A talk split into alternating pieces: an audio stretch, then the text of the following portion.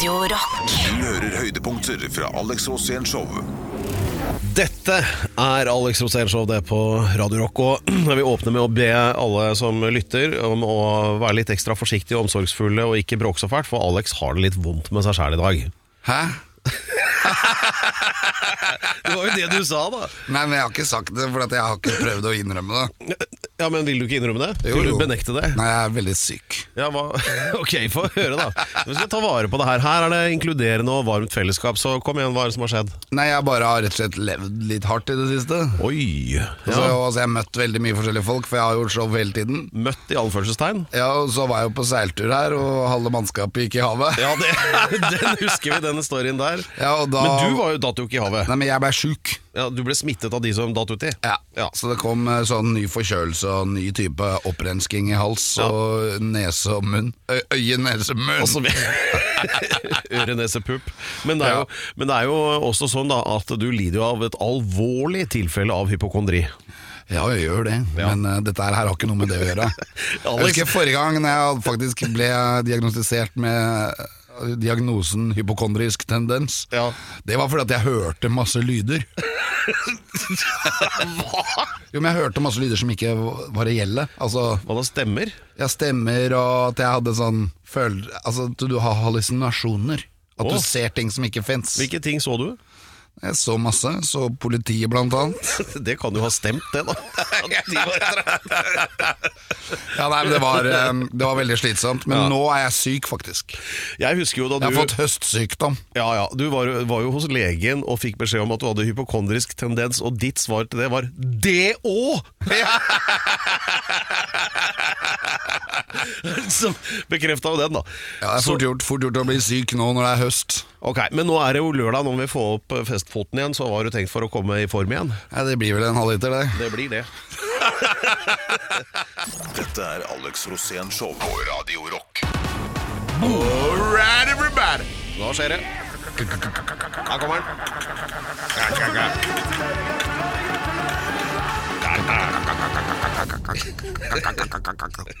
Gakkak, gakkak. Få se gakkakken din, da. Veit du har. Men nei, nei, det er sånn jingle som er spesielt, lag, spesielt laget for de med Tourettes. Eh, Men det handler altså om gratula gratulasjoner, da, og der er jo du god. Det driver du med hele tiden. Ja, Det gjør vi hele tiden, og i denne gangen så har vi en flott gratulasjon til en av mine kompaner, nemlig Bjørn Eidsvåg. Hei! Gratulerer, Bjørn Eidsvåg! Han blikket blir ikke spilt på NRK. Å ja, det der, ja. Ja, Holstad han eh, var synes synd på, på Bjørn Eidsvåg, og da skal vi tenne et lys på Bjørn Eidsvåg, og det gjør vi nå. Ja. Gratulerer, Bjørn Eidsvåg! var- Men, men Bjørn Eidsvåg er jo veldig kjent, og han er jo i, i lyset hele tiden. Ja. Og han har jo vært her i årevis. Og en gang husker jeg i Drammen til og med at jeg slåss en gang sammen mot en felles fiende. og han er prest, så han har til og med tilgitt meg. Ja. Så jeg er veldig glad i Bjørn Eidsvåg, og det er helt supert. Gratulerer. Men han vi egentlig skal gratulere, det er Petter Wavold, som har vært artist i 40 år! Oi! Og det synes jeg er helt utrolig. Petter Wavold, det er han som lengter hjem. Ja. Han lengter hjem til hjem. trøndersk jord. Ja. Til Trondheim by, der hvor jeg bor. og han har vært 40 år artist, og jeg syns Petter Wavold skal ha en like stor gratulasjon, så vi gratulerer Bjørn Eidsvåg og Petter Wavold, og jeg syns de skal gå sammen nå og lage en ny versjon av Jeg lengter hjem, med litt sånn vestlandsdialekt og litt trønderdialekt, så blir det kjempebra. Og så blir de spilt kontinuerlig på P1. Ja, det kommer til å skje. Og det blir sånn duett, da, sånn følsom duett. Sånn 'Jeg tek ikke lankene mine av deg'-type. Ja, veldig følsomt og erotisk, og også, Herlig. men med, med samvittighet. En ting er helt sikkert, at ikke noe av dette blir spilt her på Radio Rock. Det er helt sikkert. Dette er Alex Rosén Show på Radio Rock. Ja, dere, da er det bare å finne fram taffelsticksene taffelstiksene og kakaoen, for nå er det eventyrstund her på Radio Rock, eh, Alex Rosénshow, og det skal være en historie nå som eh, kommer da fra Alex sitt mangslungne liv. Med kraftige homoerotiske overtoner har vi blitt lovet. Og jeg vil bare først spørre deg, Alex, hva, hva er egentlig en, en homo? Homo betyr menneske, Ja. så det er deg og meg det, Per. ja. Det er i hvert fall deg. Men du legger jo helt egne eh, føringer for det å være homofil, eller hva du vektlegger ved det, da. Ja, jeg har alltid vært, vært veldig glad i homser, fordi at de er veldig flinke til alt de driver med. De er perfeksjonister. Ja. Sånn at Hvis du er eksempel en som driver og syr gardiner, Ja. så syr du veldig bra gardiner når du er homo. Ja. Greit, fint, jeg syns det er fint å få definisjonene på plass. Men så til din historie denne uken fra Ja, ja, den karen som var veldig forelska i meg, Ja. og som ville at jeg skulle bli homo, men det var veldig vanskelig å bare bli det sånn uten videre. Ja, det passa ikke helt den uka. Nei, han sa Can you please try to turn? Å ja, den engelske butleren. Ja, Rodney. Vi er tilbake der. ja. Og det, han var jo veldig glad i meg, da. Ja. Og han, men jeg, det var veldig vanskelig for meg å bare bli det sånn uten videre. Men Ja. da fant jeg ut at vi kan jo jobbe sammen. så det jeg gjorde da, var at jeg fant opp et nytt konsept, nemlig Homomannen. TV-konseptet Homomannen. Ja, og når jeg hadde problemer med noe, så bare ropte jeg 'Homomannen!' Og så kom han ut av, av, av himmelen. Bang! med Superkrefter. Ja, Da kunne han hjelpe meg med problemer jeg hadde da. Jeg hadde jo masse problemer på den tiden. Ja. Og et av de problemene var at jeg var veldig opptatt av Elvis. ikke sant? Jeg har alltid vært veldig opptatt av Elvis Og han hadde draget på alle. ikke sant? Han hadde full ordnings på alt det han holdt på med. Og da tenkte jeg at eh, nå må vi bare finne ut av hvem er det som er Norges svar på Elvis. Ja. Og hvem er det? Jo, Kjell Bekkelund! ja, selvfølgelig. Og Kjell Bekkelund, han var så bra. Jeg fant ut at han hadde vært bort på alle damene som var over 50 år i NRK. Ja, det har jeg hørt òg. Ja, han hadde jo vært det Og han var jo bare så kontroll Så jeg ville ned til han, altså bli venn med han Så jeg tror jeg reiste masse opp og ned til Kjell Bekkelund Jeg husker jeg var der med på Kjell Bekkelund pålegg Og vi hadde med belgisk operasanger Og vi hadde med masse forskjellige ting. Men ved en anledning da Så Kjell Bekkelund ble så forbanna hver gang Hver gang jeg snakket til ham Så det er sånn Halle, Kjell, jeg er tilbake! Ikke faen! Og han ble så sinna. Og da tenkte jeg at nå skulle jeg ha med en sånn Når han rømte, da, for han rømte ut i hagen Han løp av gårde hver gang jeg så han. Og jeg var så glad i Kjell Bekkelund. Og i denne, på dette øyeblikket da, så tenkte jeg at vi må bare ha med homomannen. For da, kunne, ja. da kom homomannen ut av himmelen. Ja.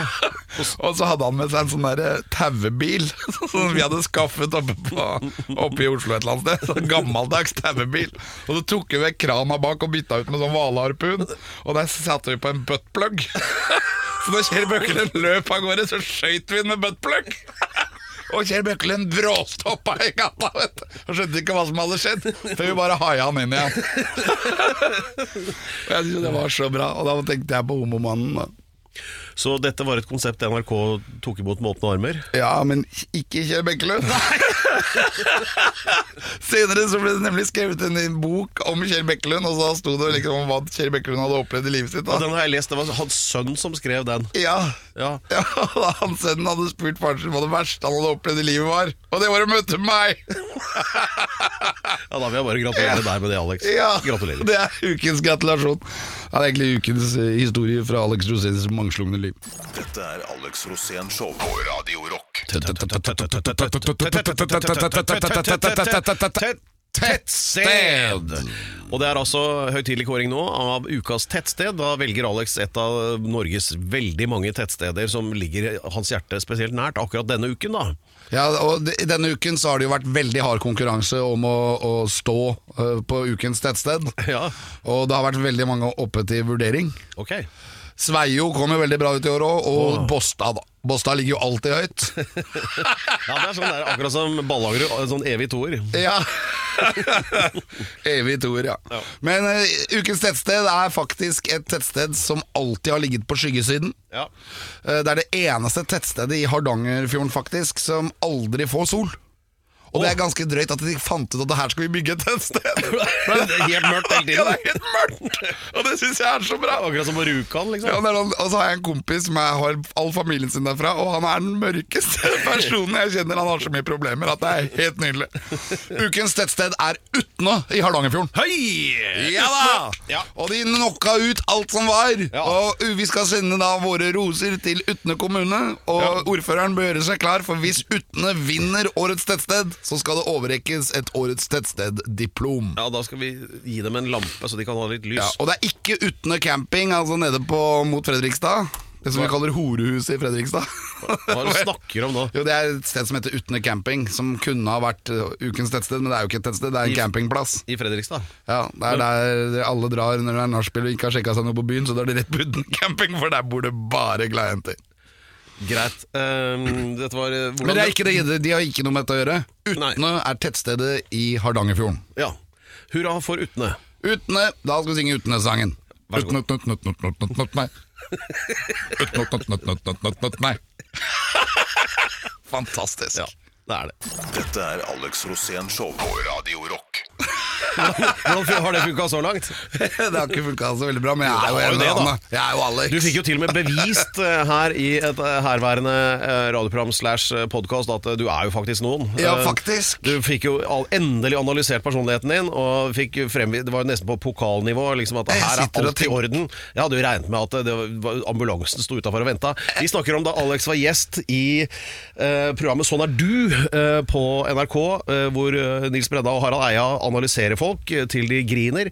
Og uh, i ditt tilfelle så gikk det jo veldig bra, ikke sant? Du ja, jeg var nå. veldig redd, men det var veldig hyggelig. Men først og fremst så har vi jo mannen bak hele showet, og alt det andre du som lytter tenker på. Harald Eia er her. Hei! Takk, tusen takk. Tusen takk. Altfor mye, altfor mye. Stemmer det, at, eh, stemmer det at dere friskmeldte Alex på det programmet, eller? Ja, det var etterpå mange som uh, mente, både tidligere gjester og lyttere, at han har en idealpersonlighet. Oh. Hva vil det si? Hadde jeg bare vært som han Nei, Du Alex, du er eh, veldig åpen, altså du er nysgjerrig. Alle har lyst til å være nysgjerrig, og mange er ikke det, men du er det. Du er nysgjerrig på ideer og sånn. Og så er du unevrotisk, du er uplaget type. Men veldig mange andre har jo et vanskelig liv fordi de bekymrer seg fra morgen til kveld. Det gjør ikke du. Og i tillegg så er du snill. Du er en omtenksom fyr eh, som eh, setter dine egne behov til side for å hjelpe andre, og det er altså noe eh, mange ønsker å være, da. Men hvordan visste du at jeg ikke var bekymret? Fordi testen sa det. Fordi ja, ja. Vi målte det vet du, i denne omfattende personlighetstesten. Du svarte på 200 spørsmålene? 240 spørsmål. Ja, det var så mange. Jeg ble ganske lei midtveis. Ja, det skjønner jeg Nå orker jeg ikke mer! Så kom Lance, manageren. Du skal svare på alle, ja! Over. Og på toppen av det hele så har du, som du hører her, godt humør. Da. Du er jo mye ener positiv energi, så du har en sånn bu bukett av de perfekte blomstene, egentlig. Det, det er så bra. Ja. Jeg ble veldig glad. Jeg, nå skjønner jeg hvorfor jeg ikke er så mye deprimert. Det, det, det må du skjønne nå, ja.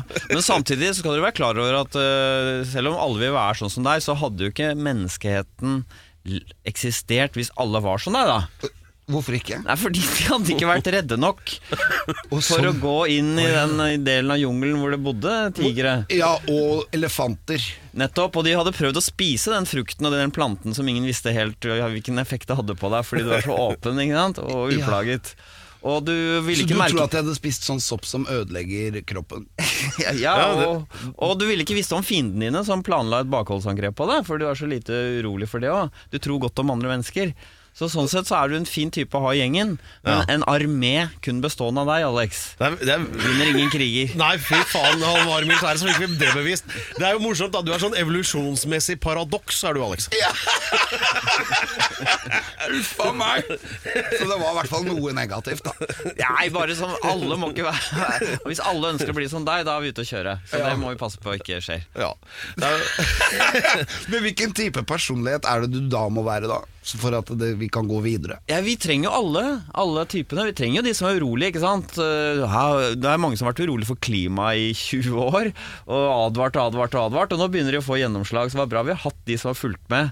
Og så trenger vi jo, vi trenger jo folk som er mistenksomme, ikke sant? som passer på at det ikke er datainnbrudd, som er, driver med etterretning. Ikke sant? Ikke bare naive, tillitsfulle folk som deg, men som faktisk er mistenksomme hele tiden overfor skurker. Så vi trenger hele arsenalet av uh, ulike trekk her, da. De ulike- Fantastisk.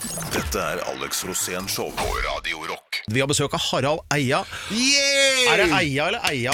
Du, Det er et godt eh, spørsmål. Det er jo, Familien min kommer fra Vestlandet, eller Sør-Vestlandet. Der sier man Eia. Men den, Eia blir det vel der. Med E. nei, nei, faktisk ikke. Eia. Eia. Eia. Mens på Østlandet er det naturlig å si Eia. Ja. Så det er den litt sånn nerdete fortellingen om navnet mitt. Okay. Så vi sier Eia i vår familie, Greit. men det er greit å si Eia. Men hvor er Eia? Er det et tettsted, Det er Eiavann. Det ligger liksom over Egersund der, mellom Stavanger og Egersund. Ja, ja, ja. Det er bibelbeltet, det. Ja, det er det. Helt klart. Helt klart. Ikke langt unna Lyngdalen, faktisk. Ikke så langt. Jeg har aldri vært der Åh, nå kommer kommunal info igjen. Ja, Vi har masse tettsteder der som som har kommet høyt opp i ukens tettsted. Vi har, hver uke har vi et tettsted som vi kårer til ukens tettsted. Ja, for jeg tok tog en gang fra Oslo til Stavanger, og da lå det en lokalavis fra det området der, og på forsida sto det 'Harry Eia sier nei til flyktninger'. Harry Eia! Ja, så det var slekta mi. De De gjør seg bemerket. Han orker ikke mer. Nei, nå er det nok.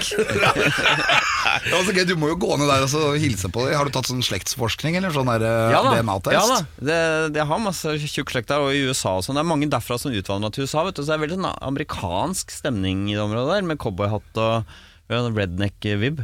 Ja, ja, for der har jeg vært. I Saronsdal. Ja, ikke oppi der, ja. Nettopp. Der var jeg på bryllup en gang, Å. og det var alkoholfritt. Men alle gikk opp i et stabbur 200 meter bak og drakk alki. alkohol inn i stabburet, så alle var fulle. Men det var alkoholfritt!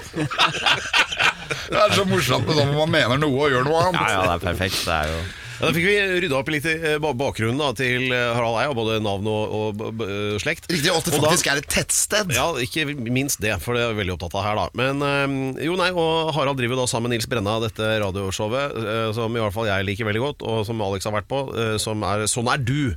Basert på noe som heter Big Five, er det ikke det? Personlighetstest. Jo, det er Man analyserer gjestene grundig. Hva er de five? Det er, det er fem da, personlighetsdimensjoner som er uavhengige av hverandre. Det betyr at du kan score høyt på ett, f.eks. å være veldig nevrotisk, men samtidig score høyt på eh, en annen som, deler, som er ekstroversjon, som gjør at du er veldig blid. Sånn at eh, disse er u Folk tenker ofte at aha, det er rart at han er så nervøs og sinna samtidig så blid. Nei, det er ikke rart. Det er to forskjellige dimensjoner. Ja. Ja. Og så er det tre til. Det er åpenhet for erfaring, planmessighet, og så er det medmenneskelighet. Ja, Men jeg går jo ut fra at uh, du i god forskerånd har testet dette på deg selv òg. Ja, Hva, skjedde- hva skjedde da? Nei, det var jo leit å få resultatet, egentlig. Fordi det du har hørt dine fiender og motstandere, de som ikke liker deg, har, har sagt om deg i alle år, Ja. viser seg å være litt riktig. Å, hva er det? Nei, type Er jeg litt kald? Ja, jeg er litt kald. Ja. Er du det? Ja, jeg er det. kom det frem? Nei, det kommer jo frem at jeg svarer ganske at jeg, Er du sånn som um, blir glad når andre gjør det bra? Ja, ganske, liksom.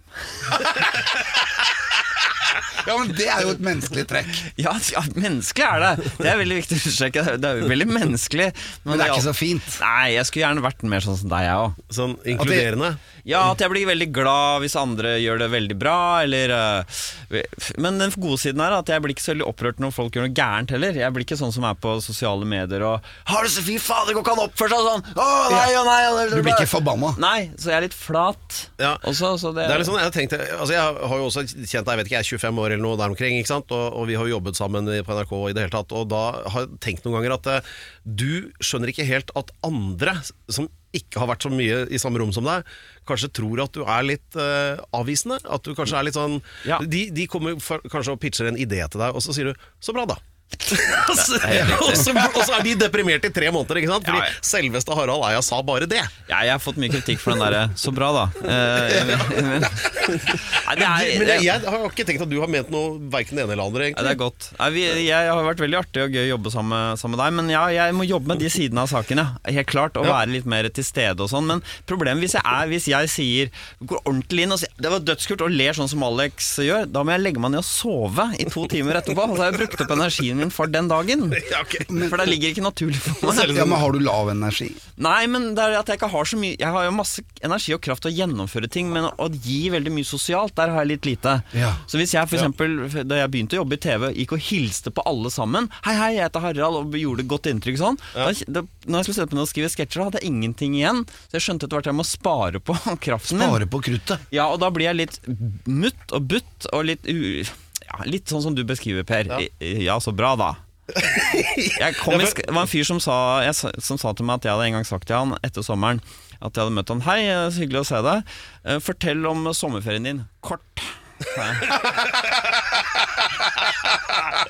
jeg. Får litt sånn flashback her. På den tiden, i, ja, sånn rundt 98, eller, da begynte vi å jobbe med Åpen post-programmet deres, eh, som jeg var på. Og, men det var liksom halve uka og andre halve uka, og så holdt jeg på sammen med Alex da, litt lenger ned i samme korridoren.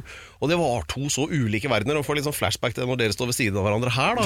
Så, så det blir jo disse forskjellene ganske tydelige på et vis, da, for der inne var det bare sur, i hvert fall. Ja, men det var mer talent det var, Alex har mye mer talent enn det jeg har. Mye mer sånn Ja, natur laget for TV. Men jeg er mer sånn knoter og sitter og, og grubler og blir forbanna og frustrert eh, for å ikke få det til. Så det må ha vært mye morsommere å jobbe med Alex. Nei, fordi- nei det, det var bare veldig forskjellig. Veldig Ja, forskjellig. forskjellig, Ja, for du drev dreiv jo med skrukken, så du var jo tullekopp du òg en ja, stund. ja, men den skrukken, det hadde vi planlagt nøye og tenkt gjennom og analysert. Det var ikke noe sånn der er jeg helt gæren.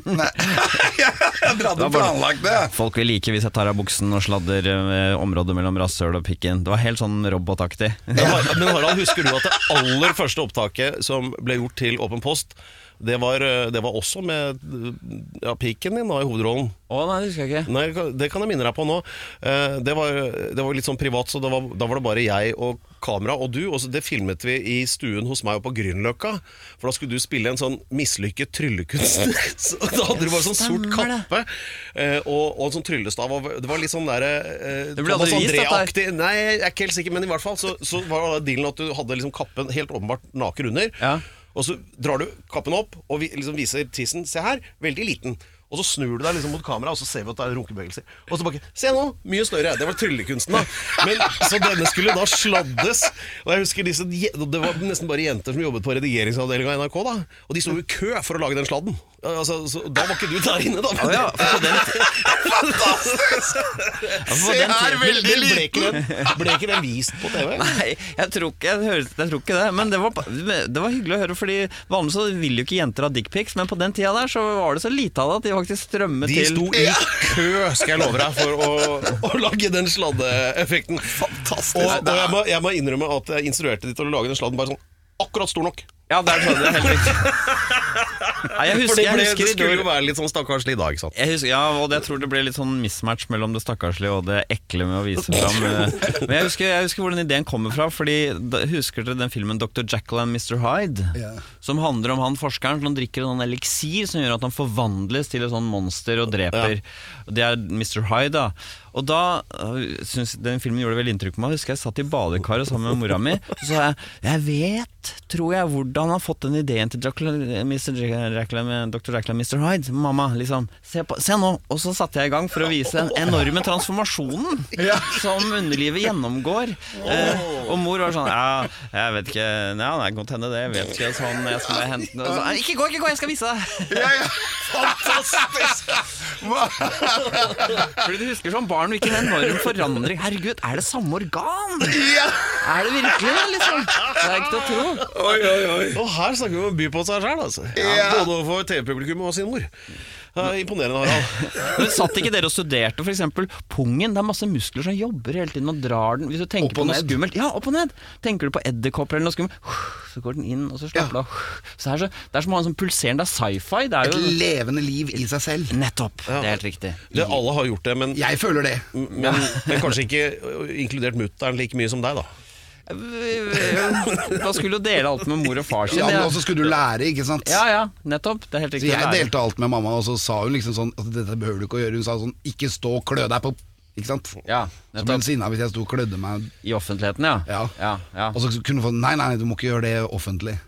Jeg husker mora mi øh, sa Vasket du deg på hendene nå etter å ha vært på dass? Nei, jeg gjorde ikke det. Uh, hvorfor ikke det?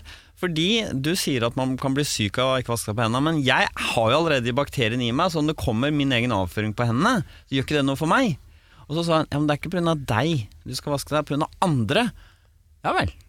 Da gjør jeg det. Da, og det synes jeg det, det, ikke, det er sånne ting moren min lærte meg. Ja, Min mor også. Så husk på det, folkens. Dere, det er ikke pga. deg sjøl, det er pga. andre. Ja, vi må ta hensyn. Ja, Det er veldig viktig. Dette er Alex Rosén Show på Radio Rock. Men nå skal det handle om ereksjon. Ja, vær, vær så god. Ja, det, det er du som er programleder, så du får vær så god starte selv. Nei, men altså, Det er du som er den ereksjonsfaglige sterke her. Ja, ereksjon det er jo ståtiss. ja. det er vel Og det. s- hva var, hva var det med det igjen? Nei, det, da jeg hadde seksualundervisning på skolen, ikke sant, 6.-7. klasse, så lærte vi at eh, når guttene kommer på puberteten, så skjer ditt og datt, og blant annet så begynner guttene å få ereksjon. Og tenkte jeg sånn, hæ? Jeg har hatt ereksjon hele livet. Ja. Eller ikke konstant, da, men jeg har hatt det siden jeg, så lenge jeg kan huske, så har jeg hatt den evnen. Ja, Eh, Siden du var baby. Ja, det vil jeg, det vil Jeg husker når jeg fikk baby, den hadde jo ereksjon med en gang. I, I det vedkommende kom til verden, omtrent. Ja. Ja. Så alt det fungerer jo egentlig fra, Ja. fra dag én. Så den store overgangen er jo den dagen, og det husker jeg også, for jeg var veldig åpenhjertig med foreldrene mine. Så kom jeg ned da, og kanskje 11-12. Eh, mor og far, for jeg sa mor og far, jeg sa ikke mamma og pappa. Eh, jeg sa mamma i stand bare for å Men jeg sa mor og far. Det har kommet slim ut av tissen. Oi. Det er noe galt. Fordi det, og, så Jeg vet ikke om du hadde med, hvordan du hadde med Alex. Første gang du hadde eh, Vi merket at det kom ut noe. Det kom ut bitte litt. Ja, bitte litt som ikke var tiss. Det var ikke tiss. Det var, det var slim. Det var slim. Pre-cum, liksom. En sånn Ja. som jeg gjorde Som jeg Men du fikk det før du fikk kam. Altså før du Ja, det var ikke noe farge på det. Det var helt sånn Nei, gjennomsiktig. gjennomsiktig. Altså, du kom, det kommer kanskje 13-14-årsalderen. Ja, det Men før sånt. det så er det jo mer for at det skal være glidning mellom forhuden og ollon. Ja, nettopp. Ja, For det var sånne ting som skjedde på den tiden, at måte forhuden løsnet fra Ollon. Ja, for det før så satt den fast. Ja, I hvert fall i kanten rundt. Ja, for en kompis av meg, jeg fikk helt sjokk, for jeg visste ikke om at det var en sånn blå blære under eh, nisseluen. Ja, helt riktig. Hvorfor det? jeg fikk sånn sjokk. Hæ, er det sånn det ser ut? Men hvor gammel var du da? Når jeg så den blå blæra, som jeg kalte det, Ja. kanskje sånn 11 eller noe. Var du så gammel? Ja. Så det er ikke uvanlig, altså. Nei, så han, jeg tror han bodde i USA, eller Men hva sa ikke faren din at du burde trekke forhuden bakover? Jo, så begynte jeg å trekke Nei, da spurte jeg ikke far om det. Men, Men han, eh, altså, sa han ikke det uoppfordret til deg, som far? Nei, hvorfor skulle jeg begynne å trekke forhuden bakover? Jo, for å gjøre det rent. Ja, nei, nei, det, men det er, men når man er barn, så skal man ikke drive og Det er jo grodd fast, Alex, er det ikke det? Jo, det er det. Ja, så man skal ikke drive og dra i det. Det løsner okay. naturlig, det gjør ja? Ja, faren min var veldig opptatt av at jeg måtte dra i det da. ja, man var det. Så var du må jo ha orden på tissen din før du liksom blir gammel nok. Ja, ja nettopp, ja. Men, eh, og og det, det funka litt, men jeg fikk aldri dratt den helt bak. Men Nei, litt det gjorde vondt. Du Og øvde. så kan du bruke litt olje for å få den litt sånn Ja, at, at nisseluen åpner seg litt. da Matolje. Nei, sånn fuktighetskrem, tenker jeg. Ja, ok. Eller matolje. Alt funker, da. Ja, ja. Det kan man bruke, for eksempel. Ja. Det er bra ikke vi leder Juntafil, vi to. Ja, men, Ja. Fordi- det hadde vært veldig gøy. Men, men jeg tenker sånn at man bare må gjøre det, for at jeg tenker sånn at man må, man må ikke få problemer når man blir gammel, fordi penis vokser jo litt. Ja. Og så plutselig så, så har du problemer når du da får reisning, du, og, og penis har vokst, og så går ikke det bakover, så må jo det gjøre veldig vondt. ja, Det stenges liksom inni der. Ja, ja, Og det er jeg litt bekymret for, da. det, det, det er ikke bra. En annen ting jeg lurte veldig på, var for jeg ville jo at penisen min skulle vokse. Var det sånn at etter en ereksjon var det sånn at den da gikk tilbake igjen, men litt mindre tilbake enn sist? Ja. Sånn at vokseprosessen ville øh, fremskyndes ved antall ereksjoner. Ved at du hele tiden da strakk den, slakket, strakk, slakket og da Akkurat som trening. Nettopp! Har, har noen forsket på dette? Nei, ikke som jeg veit. Jeg har forsket på det. Ja. Er Jeg har kommet frem til at det hjelper. Eh, penis vokser hvis du er litt aktiv. Nettopp. Men, men det er ikke noe det er, Jeg veit om ganske mange som ikke er noe sånn godt utstyr, som jeg tror har ganske noen aktivt forhold til uh, stimulering, da. Så jeg tror ikke det er noe helt én til én, men øh, en tendens, ja. En tendens. Dette er utrolig nyttig informasjon for veldig mange. Og uh, vordende fedre som gruer seg til en samtale med podene sine, bør egentlig laste ned podkast av dette her Slipper og bare det. ha det liggende klart til den dagen kommer. Så slipper du all, for, for all infoen kom egentlig her nå. Ja, jeg fikk i hvert fall veldig mye ut av denne samtalen.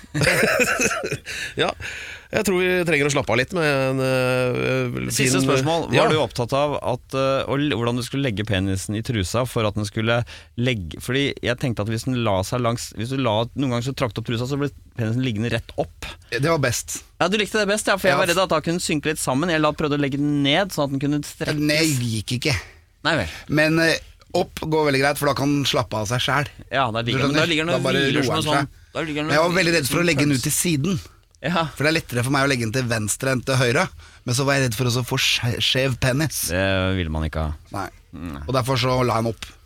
Jeg kjenner en fyr, bare siste historie før vi spiller musikk, som eh, er en kompis av meg, som uh, våkna opp i familieselskap, for alle lå på gulvet og sov i hver sin på sovepose. Så han så jævlig morrabrød, så da kunne han ikke gå gjennom rommet der eh, med ereksjon, ikke sant? så han dytta han ned, og så knakk han. Å, det er vondt! Han Ja, for det knakk den! går jo an. Ja, det går går an. Han knakk Du må svampen. ikke det. Åh, Det ble sånne blodutredelser og sånn, og den har forblitt skjev siden da, da.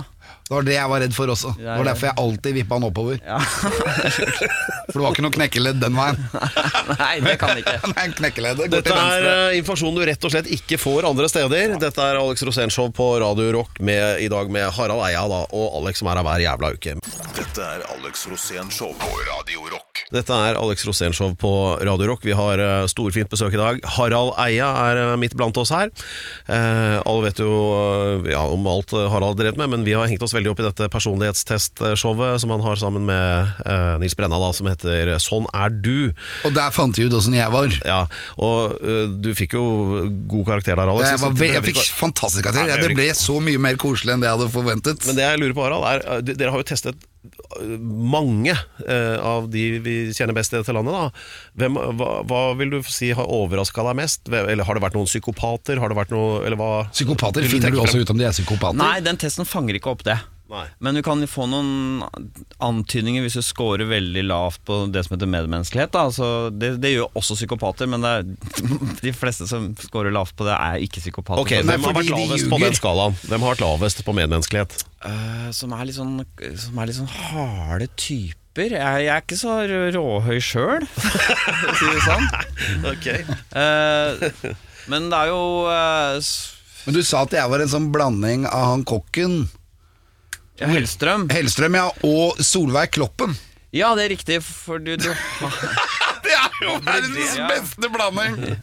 Ja, du, du har det. Du har, Hellstrøm er jo um, veldig sånn snill og medmenneskelig. Og, Han er det? Ja, han er det. Og, og uplaget. Det er vel Solveig òg, men Solveig Ja. har i tillegg det der voldsomme humøret, den energien, ekstroverte energien, som du også har. Så du er, det er derfor en slags blanding, ja. Men Men, ellers så jeg, jeg trodde at Hellstrøm var litt gæren òg. Merka du at han var litt gæren i huet? Nei, ja, han Nei, ja, han er litt sånn original. Han følger sine egne resonnementer, på en måte. Han, øh, veldig mange når de snakker og tenker, så prøver de å legge seg opp til noe de har hørt før. Eh, Hvis du skjønner, Mens Hellstrøm prøver å si noe genuint nytt, da. Det, det, det er alltid gøy med sånne folk. Som bare Å, den setningen har jeg aldri hørt noen si før. Hvor han er sånn, sånn nådeløs ærlig. Har du et eksempel på det, eller? Hvordan jeg, jeg husker eh, egentlig best fra det programmet hvor han var på NRK med eh, 'Hvem tror du at du er?' med sånn slektsforskning. Hvor han da snakket med en sånn veldig innlevelse om denne bestemora som satt og fyrte med noe koks, og hun var så møkkete, og da vred ansiktet hans seg i avsky mens tårene rant i medfølelse over denne stakkars bestemoren som var så fattig, da. Å, så deilig. Så det var så gøy å se disse to følelsene samtidig, på avsky og sorg Og sorg. samtidig. Ja. Ellers så er det det som ofte blir må overraske over, er at man har et inntrykk fra offentligheten. F.eks. Siv, eh, Liv Signe Navarsete, som er mm, Alle har sett det klippet, eller mange har sett det klippet hvor hun står og kjefter og smeller. Ja. I forbindelse med at hun møter noen eh, som mener at hun har lagt ned et lokalsykehus, og så er de skuffet over henne og sånn. Og så blir du forbanna. Hun blir forbanna, og, og da hun, hun ble ofte gikk på sånne talkshow og sånn, da hvis man skulle bruke og drite ut noen som var hissige, så sammenlignet de seg med henne. Ikke sant? Like hissig som eh, Liv Signe Navarsete. Men når vi snakket med henne, så var det at hun, hun er ikke noe hissig, men hun har veldig sånn tillit til folk, og er veldig glad i folk. Så når folk blir skuffet over henne, så blir hun lei seg. Ja. Så det er ikke det at hun er en fissepropp, men at hun faktisk blir veldig beveget og lei, seg når andre føler at hun ikke har gjort en god Hun jobb. Hun føler seg misforstått. Ja, rett og slett, det er riktig. Og det var den frustrasjonen som kom til uttrykk der. Ikke at hun var sur fordi liksom, de var uenige med henne, eller ja. Så um, ellers så er jo hun uh, Hva heter hun i Human Rights Service? Hun uh, ganske sånn krasse muslimkritikeren Å ja, ja. ja det er hars... Hege Storhaug. Ja. Hege Storhaug, det er mange som Det er ikke alle som vet hvem hun er, men hun er ganske sånn knall, oppfattet som ganske knallhard kritiker av islam. Og, og hun eh, trodde vi skulle være sånn mye hardere, men hun, hun var faktisk veldig empatisk, og hennes engasjement springer egentlig ut av at hun har noen sånne Møtt noen sånne jenter med muslimsk bakgrunn som hun mener blir veldig undertrykket, og som gjør henne veldig opprørt. Så det er omsorgen for dem som driver henne, mer enn hatet til islam. ja. Så det, det er alltid sånn Å ja. Men de, de, me- sånne ting gir mening for meg, men alltid er en stor overraskelse. Det er ganske interessant. Ja, det er det, altså. Fordi i mediene så får du på en måte en litt sånn uklart bilde av folk. Eh, og hva, hvilke krefter som motiverer dem. Så spekulerer jo alle ja, hun er sånn, og han er misunnelig, og han er sånn. Nei, så er det ikke helt sånn, da. Er det noen du drømmer om å få i studio, eller? Nei, Vi har jo forsøkt å få Vigdis Hjort ganske lenge. Ja, Hvorfor, hvorfor det? Nei, hun vil ikke helt, av grunner som jeg ikke skal komme inn på her. Du men- kan sikkert få søsteren. Ja, det er nok, eh, hun er nok ikke så kjent. Nei. Ellers, ellers så hadde jo Det er jo flere sånne ja, Politikere er litt sånn vriene, fordi de ønsker å gi et riktig og korrekt bilde av hvem Eller de ønsker ikke å gi et korrekt bilde, de ønsker å gi et bilde som folk liker. Så det er, det, men sånn Ekspolitikere er ofte ganske morsomme, men det hadde vært veldig gøy å ha selvfølgelig Märtha. Märtha er kul, da. Ja. Hun er så kul. ja, det er, jeg er veldig nysgjerrig på henne, for hun har, snakker om at hun er veldig sånn hypersensitiv. Ikke sant? Ja, Det er jeg også. Hun sa til meg det. At Ja. hun merket det med en gang når hun møtte meg. ikke sant? Jeg også var hypersensitiv. Ja. Og det er jeg faktisk. Ja, du merker hvordan folk har det veldig godt, og det slår veldig inn hos deg. Ja. Så hun har jo til og med gått så langt at hun mener hun er så, har så mye medfølelse og sånn god kål på hvordan andre har det, at hun kan lese tanker. Det er et lite skritt ikke sant, derfra til å tro det. Ja. Så hun virker hun veldig åpen, da, for hun er jo liksom åpen for veldig mange forskjellige teorier og som ikke andre tror på. Ja. Åpenbart. Så jeg, jeg skulle gjerne sett Det er veldig spennende. Ja. Hun har hatt en veldig god oppdragelse. ja, kongelig. ja. Jeg husker jeg sa til henne at eh, Martha, du vet at jeg også er hypersensitiv. Og så så, så hun ikke på meg engang. Hun bare svarte ute i munnviken. Jeg vet. Dette er Alex Rosén Show på Radio Rock. Eh, og så fortalte Harald her nettopp at eh, Märtha Louise kunne jo vært en drømmegjest. Eh, nå har hun vært innom her, og, Og hun da var en drømmegjest. Da analyserte jo, eller jeg holdt på å si at du analyserte henne, Alex, men det var egentlig motsatt. Hun analyserte deg. Mm. Eh, eller du hevdet at du var hypersensitiv, hvorpå hun svarte Jeg vet. Hun svarte 'jeg vet', Ja, og- for hun visste det. ja. Men, men jeg, jeg er ikke så sikker på om dere ligner så mye på hverandre, for den store forskjellen tror jeg mellom Märtha og deg, er at du er jo helt unevrotisk. Du blir ikke veldig lei deg. Du, blir, du, du går ikke og grubler så mye. Du, du blir ikke skuffet og, og sint og begynner å gråte.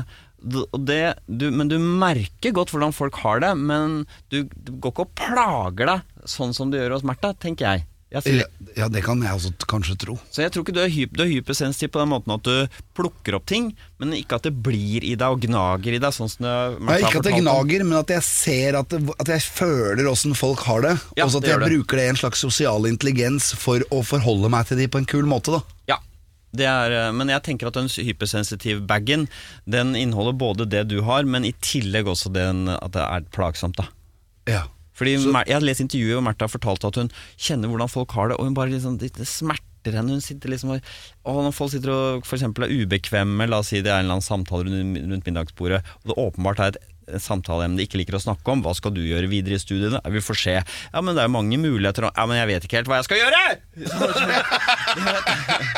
Du vet den samtalen der? Da ville du jo le og sånn, men for Märtha, sånn som jeg har lest intervjuet med henne, så er det Å, hun får så vondt. Ja. Å tenke på det mennesket etterpå. Uff a meg og sånn. Men, Tror du det har noe med at hun er kvinne? nei, jeg veit ikke. Men Men, kvinner har jo morsegenskaper, og morsegenskaper kan jo være sånn at man tar lidelsen men det er ikke alle damer som er sånn, da. Det skal sies. Det er mange damer som ikke ville gå plaget av Plaget av å høre noe sånt. De ville le sånn som deg. Men i snitt så er jo damer ofte litt mer følsomme på sånt. Ja. Ja, det, det tror jeg. For, er, er du følsom på sånn? Nei, jeg vil også liksom ah, Kan dere ikke kutte og prate om det? Og så ja, hadde jeg glemt det. Dagen etter hadde ikke den situasjonen vært i minnet mitt engang. Men jeg spurte Märtha om hun syns Pedro er hypersensitiv. Hva syns du Fy faen. Om, Om, da, om Pedro? nei, han er ikke hypersensitiv. Nei, helt riktig. Helt riktig. Det er det, det som er deilig med Pedro. du er ikke det, Pedro. Nei. Du er ikke hypersensitiv. Jeg vet at du ikke er det. Fy faen, jeg er glad for òg. Se, Der hørte du det. det? Ville han aldri svart hvis han var hypersensitiv. nei, nei, det hadde han vært lei seg for det. Ja, For nå skal han liksom opp på sin høye hest med en gang.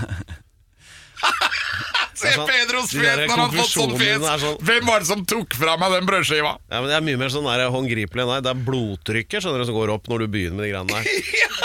Han blir sinna, vet du! Du, du får sånn farge i trynet fordi du ler så jævlig, og jeg får blodtrykk av å bli irritert Men du har jo blodtrykkstabletter da, Per. Det har jeg heldigvis, og sekken er full. Dette er Alex Rosén Show på Radio Rock. Hallo, er det noen her? ja, det er det. Vi hører jo hvem som er her. Det er jo deg, Alex. Det er fordi det er Alex Rosén Show. Det heter jo dette showet her, da. Ja. Eh, På eh, Radio Rock. Og i dag har vi besøk av Harald. Harald Eia! Rett og slett. Pedro, Ja, nå, nå ga jeg liksom du er ordet til deg, da. programleder. Ja. Pedro Giafranto Loca de la Hustados. Ja, vær så jo, god. men Harald Eia. Ja. Ja. Jeg lurte på, ikke sant, for Du var litt sånn klovnete i begynnelsen av din karriere. Så var du jo veldig morsom, Mm. og så viste du skroken og sånn. Og så plutselig ble du intellektuell. Hva skjedde? Nei, altså Egentlig så er jo historien at jeg først var eh, intellektuell. Jeg, gikk på, jeg studerte og ble sosiolog, og så eh, begynte jeg som klovn. Eh, og så undertrykket jeg liksom den, den førstesiden min, som da jobbet bak der hele tiden. Så du var litt sånn som Trond-Viggo i starten av sin karriere. Ja, du var ja. litt villmann først. Ja, på en måte først Eller han var først uh, Nei, han var, ja, faen, Han var, han var først litt sånn morsom. Jeg jeg var først ikke morsom, gikk på universitetet. Og så liksom begynte jeg med komedie. Og så undertrykte jeg den uh, alvorsmannen. Og så kom han frem da etter noen år, da. Det tok ganske mange år, da. 15 år eller noe. Ja, men du, du ville vise en ny side av deg selv? Nei, Eller? jeg, jeg, synes det bare var, jeg har alltid forsøkt litt sånn som deg å jobbe med det jeg syns er mest interessant. Og plutselig en dag så var jeg, hadde jeg skrevet 580 sketsjer.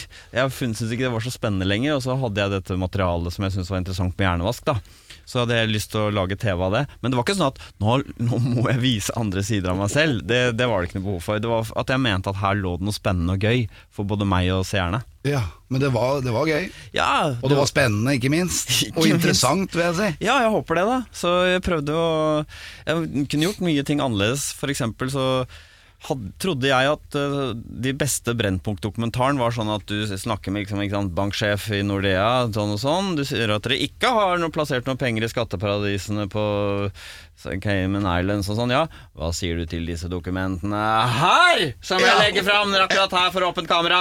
Ja. Og da Og Men du gjorde jo det. Ja, det, det Du plagde jo mange som Ja. psykologer og sosiologer. det jeg gjorde var at jeg kom tilbake til norske forskerne med det de amerikanske hadde sagt, og så spilte jeg opp på Mac-en min, se hva de sier. Og det var første gang de så det. Men det som skjer med folk når de blir sånn tatt på senga, er at de bare, de bare skrus av. Jaha, mhm, mhm. De bare blir, Ikke noe reaksjon. Det er ikke sånn Jeg hadde trodd det skulle være sånn Å nei! Er det sant? Alt jeg sier hadde vært feil. Hva skal jeg gjøre nå? Ja, du ville ha konflikten. Jeg ville ha, jeg ville ha et emosjonell reaksjon, men det fikk jeg ikke. Så jeg burde vise dem det på, og det begynte vi å gjøre etter hvert, vise dem på forhånd, så de var godt forberedt på hva de skulle se. Ja.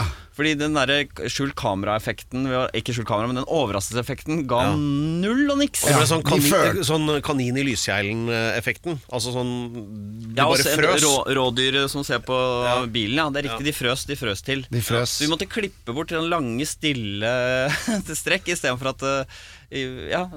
Så det var en av mange ting vi gjorde feil, da, syns jeg. Så, og også da er det mer fair å bare forberede folk skikkelig på hvilke spørsmål de skal få. Eh, Sånn som dette programmet her, har jeg fått vite alt på forhånd, selvfølgelig, og gjennomgått nøye og øvd i dag. Det er det ingen som gjør. Det er bare Pedro, Men du, får, men du får jo også tilfredsstilt eh, nerdesiden din da, i, i brille, da. Altså Ja. sånn populære altså, sånn, po, eh, hva, hva heter egentlig? Fun facts? eh, Scientific eh, quirks? Eller hva heter det? Nei, eh, det, hva det heter det er, det, er jo, det er jo bare et, eh, et spørreprogram basert på vitenskap, på en måte. Ja, men, du er, Fun jo- fact. men du er jo glad i sånne små dorky Hva hva er ditt Ja. sånn favoritt-fun fact fra brilleserien så langt? Nei, det, er så, det er så mange ting jeg syns er interessant og rart, som jeg har oppdaget at ingen andre syns er noe interessant og rart. prøv oss, da. Ja, jeg, for eksempel har jeg gått uh, rundt og lurt hele livet på hvorfor er det egentlig farlig å spise bedervet mat? Å ja. Hvorfor er det skadelig å spise ost som er muggen, eller Det kan jo sette i gang reaksjoner inni deg. Ja, ja, ikke sant, men det er bare en annen måte å si det er farlig på, da, egentlig. At det setter i gang reaksjoner inni deg. Ja, men det gjør det. Jeg ja, ja, har jo hatt med meg folk om bord ut, ut på havet, og så har de spist bedervet mat, og så Ja. begynner de å drite. Nettopp. Og det er ikke gøy altså, når du har en båt med en så stor uh, septiktank. det har jo opplevd at den har blitt full, da. Men blir det mer avføring? Du spiser like mye en Nei, mengde men mat. de, alt det du tisser, blir Ja, også bæsj. Det, det er et godt poeng. Og det Men- du spyr, blir bæsj. Selvfølgelig, Så det det er kommer ut i alle ja. åpninger. Ja, Du vet ikke hva du skal ha over do. Jeg skjønner. Ja, det blir et sorteringsproblem. Og særlig, det er noen typer mat som er veldig giftig. Som Ja. blir veldig giftig. Eksempel hvis det kommer sånn derre For eksempel gravelaks. Ja. Hvis den får den herre Ja. et, et eller annet som skjer med det, Ja. og så plutselig så er det, Ja, det, er farlig. det er gift. De det er ren gift. Og grunnen, er, grunnen til at det er giftig, det er jo at um, i naturen så er det jo en, en konkurranse om eh, matfatet. Så hvis et dyr dør, f.eks., så strømmer bakterier til. Sopp kommer til. Masse mikroorganismer i tillegg til andre sant? Og det disse alle organismer gjør, er å sørge for å ødelegge for de andre. Så derfor lager bakterier gift. Derfor lager sopp gift. De lager gift for å drepe bakterier, det er penicillin, ikke sant? Ja. Så det er denne, denne kampen om å ha maten for seg sjøl. Resultatet av det er at det er farlig for oss å spise bedervet mat. For at ikke vi skal spise det, skjønner du? Ja. Og det er for meg sånn Ja, selvfølgelig! Derfor! Det gir jo mening. Ja. Ja. Så en annen sånn, sånn ting som gikk opp for meg veldig, var hvorfor blir vi egentlig kvalme når vi er bilsjuke? For det er også litt sånn eh, mystisk. Ja, men jeg, jeg veit det. Ja. Og det var fordi at foreldrene våre når vi var små, de lukka igjen alle vinduene, og så fyrte de opp røyk Ja, inne i bilen. det Det, var det du blei kvalm av. Men fortsatt blir jo unge kvalme Nei, av å ikke så mye. Mine Ja barn blir aldri det. Ok, men det å bli sjøsyk og bilsyk, det fins. Det fenomenet fins fortsatt, Alex. Ja, ja, jo, sjøsjuk fins. Ja. Og da fins ikke bilsjuk òg, jeg er enig i det. Men det jeg tenker med sjøsjukhet, da, det er veldig Fyllikere, for eksempel, blir aldri sjøsjuke. For de er vant til at det gynger, Nettopp. selv på land. Ja, men det er et godt poeng. Fordi Grunnen til at vi kaster opp, er at kroppen tror vi er forgifta. For hvis vi er forgifta, f.eks. har drukket for mye alkohol, hva som skjer da? Jo, balansenerven sier at vi går rundt, mens kroppsfølelsen sier at vi står stille. Så da, tenker- da resonnerer instinktene som følger. Her er noe gærent, du har fått i deg noe som eh, du ikke tåler. Tøm magesekken. Men når du sitter i båt, så har det akkurat samme effekten. Balansenerven sier du går opp og ned, kroppen sier du står stille. Så da, da, da sier instinktet Du har fått i deg noe du ikke tåler, kast opp. Ja. Og da er det sånn ah, Shit, det er grunnen til at du kaster opp, Helt, selvfølgelig. helt riktig. Og det jeg tenker ofte, er at det er psykisk Altså Skal jeg lære en fyr å ikke bli sjøsjuk, Ja. så sier jeg ikke jobb mot bevegelsen. Nettopp. Bli med på den. Ja. Vær med. Ja, for da prøver du å få hjernen til å koordinere de forskjellige sanseinntrykkene. Helt riktig. Balanse. Altså. Vær med med ben og hofter og alt, akkurat som på en dans. Så går det en liten stund, og så har du lært deg å være sjøsjuk. Og da trigger du ikke den, det der forgiftinstinktet. Men alkiser de er svimle hele tiden, Ja. og derfor så ikke, blir ikke de sjøsjuke. jeg er bare med meg alkiser på turen. Det er deres store styrke. Men. Men eh, Harald, har du sittet på med Alex kjøre bil noen gang? Aldri? Nei, det, da ville du fått noen nye erfaringer på akkurat dette punktet.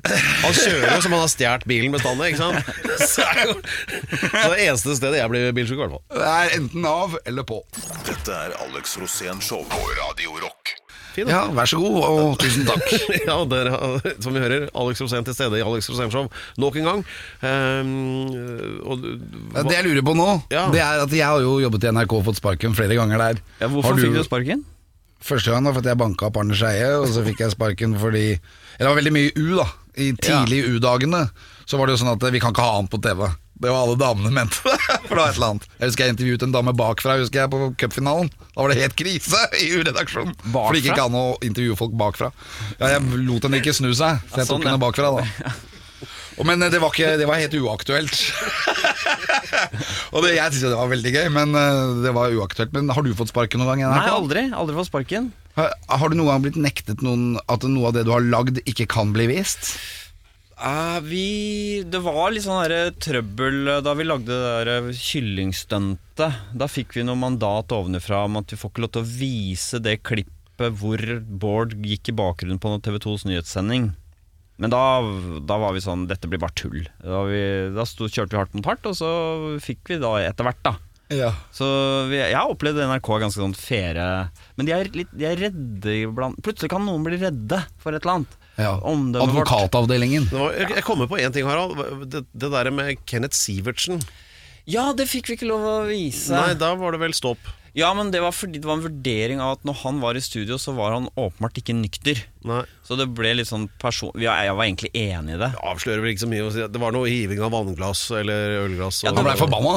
Nei, han, han var bare som en sånn En sånn veldig glad gutt som bare satt og ga faen, liksom. Så han satt og det- Dagbladet tok et bilde. De, vi var sinte på Dagbladet den gangen, for de lagde et sånt de lagde et oppslag som på en måte handlet om at Kenneth Sivertsen som førstemann turte å si fra om at eh, vi behandla folk dårlig, og så turte ikke vi å vise det på TV. Men faktum var at han satt i studio og lo og, lo og babla i vei om uforståelige ting, og kasta et glass mot oss og lo seg i hjel og sånn. Og så tok de et bilde hvor det så ut som han var rasende. Så kunne vi ikke vise det, selvfølgelig, fordi du kan ikke vise når folk åpenbart ikke er er Han var ute av balanse, da. Eh, Det var dårlig gjort. Eh, Og så ble det slått opp som at vi ikke turte å vise noe vi vil jo Alle vet jo det i dag. Alle talkshow elsker jo å vise at folk går bananas. Ja, for at de følelser, ikke sant. Ja, og gjerne at programlederen blir dratt til i trynet. Det er ingenting som er fetere enn det, liksom. Det Ja. er, det du, det er jo drømmen. Men, det, men det, var jo litt, det var jo litt trist, hele greia. da ja, det var det. Det det var trist. Og så var det første gang jeg følte sånn urettferdig behandlet av mediene-følelse. Jeg, jeg husker jo at Bård sa eh, Det var jo spørsmål Det hadde blitt slutt med Herborg Kråkevik og det der. Og så forteller Kenneth Sivertsen at eh, ja, fordi han hadde gjort det slutt med henne. Og så sier Bård mm. Og det var da det rakna. Han Men du hadde jo, du hadde jo også en annen enn med Finn Kalvik-nyhetene. Ja, men da ble vi bare enige med Finn Kalvik om at nå slutter vi med dette, egentlig. Så det var jo greit nok, det. Det var jo sånn, er det sånn du lager du hadde talkshow tre ganger i uka, så skal du fylle en halvtime? Du må jo fylle opp med noe. Så den spalten som handlet om at en fyr hadde som eneste oppgave i redaksjonen, det var å finne nyheter om Finn Kalvik, som det ikke var noen nyheter om. Kom, det, må jeg, det må jeg fortelle, Har- Harald, for du, du skrev jo alt for uh, Johan, da, som spilte Finn Kalvik. eh? Og, men han, han improviserte én gang eh, på egen hånd. Uh, og, og det kom jeg på nå nylig, fordi Halvor Hanvold gikk jo bort ikke sant, for ikke så lenge siden. Ja. Og vi hadde startet med åpen post mens alle idrettsfolkene var i og, blant, og Alex òg, for så vidt. eh, eh, Og så de hadde ikke fått med seg åpen post. Og så var det presseoppbud på Fornebu da alle disse gullvinnerne kom tilbake. Og, og da, da var jeg der sammen med, med Johan, da med den Finn Kalvik-T-skjorta. Ingen skjønte noe, hva var det for en rar fyr? Ikke sant? Men de hadde jo ikke sett det. Og så kommer Halvor Hanvold ut, som hadde vunnet gull da, i skiskyting. Ikke sant? Og alle ville jo ha tak i han, men Johan hadde så lange armer, da. Så han klarte å lene seg over alle VG-folka og sånn, med den mikrofonen. Og da improviserer han følgende spørsmål til Halvor Hanvold. Tenkte du på Finn Kalvik da du sto på pallen? Ja, det var bra. Det var akkurat det han journalisten. Han må alltid tenke ja, vi- Har det noe relevans i forhold til det som er min jobb? Nemlig. Fjeset til holdt var helt priceless. Fordi Hvis han hadde sagt For det ville jo vært et skup Da endelig kunne han liksom eh, Ja, det var bra. Han, han som spilte i, i Finn Johan, han jobbet jo egentlig i IT-avdelingen han. Så, så han, vi, vi liksom ble kjent med han fordi han ofte kom for å hjelpe med når det var problemer med dataen. Og da foreslo han Det var som regel ett forslag han alltid kom med. Har du prøvd å restarte? Ja. Det kan ofte fungere veldig bra. Ja, det er hver gang Du hører høydepunkter fra Alex Rosén-showet på Radio Rock. Bare ekte rock.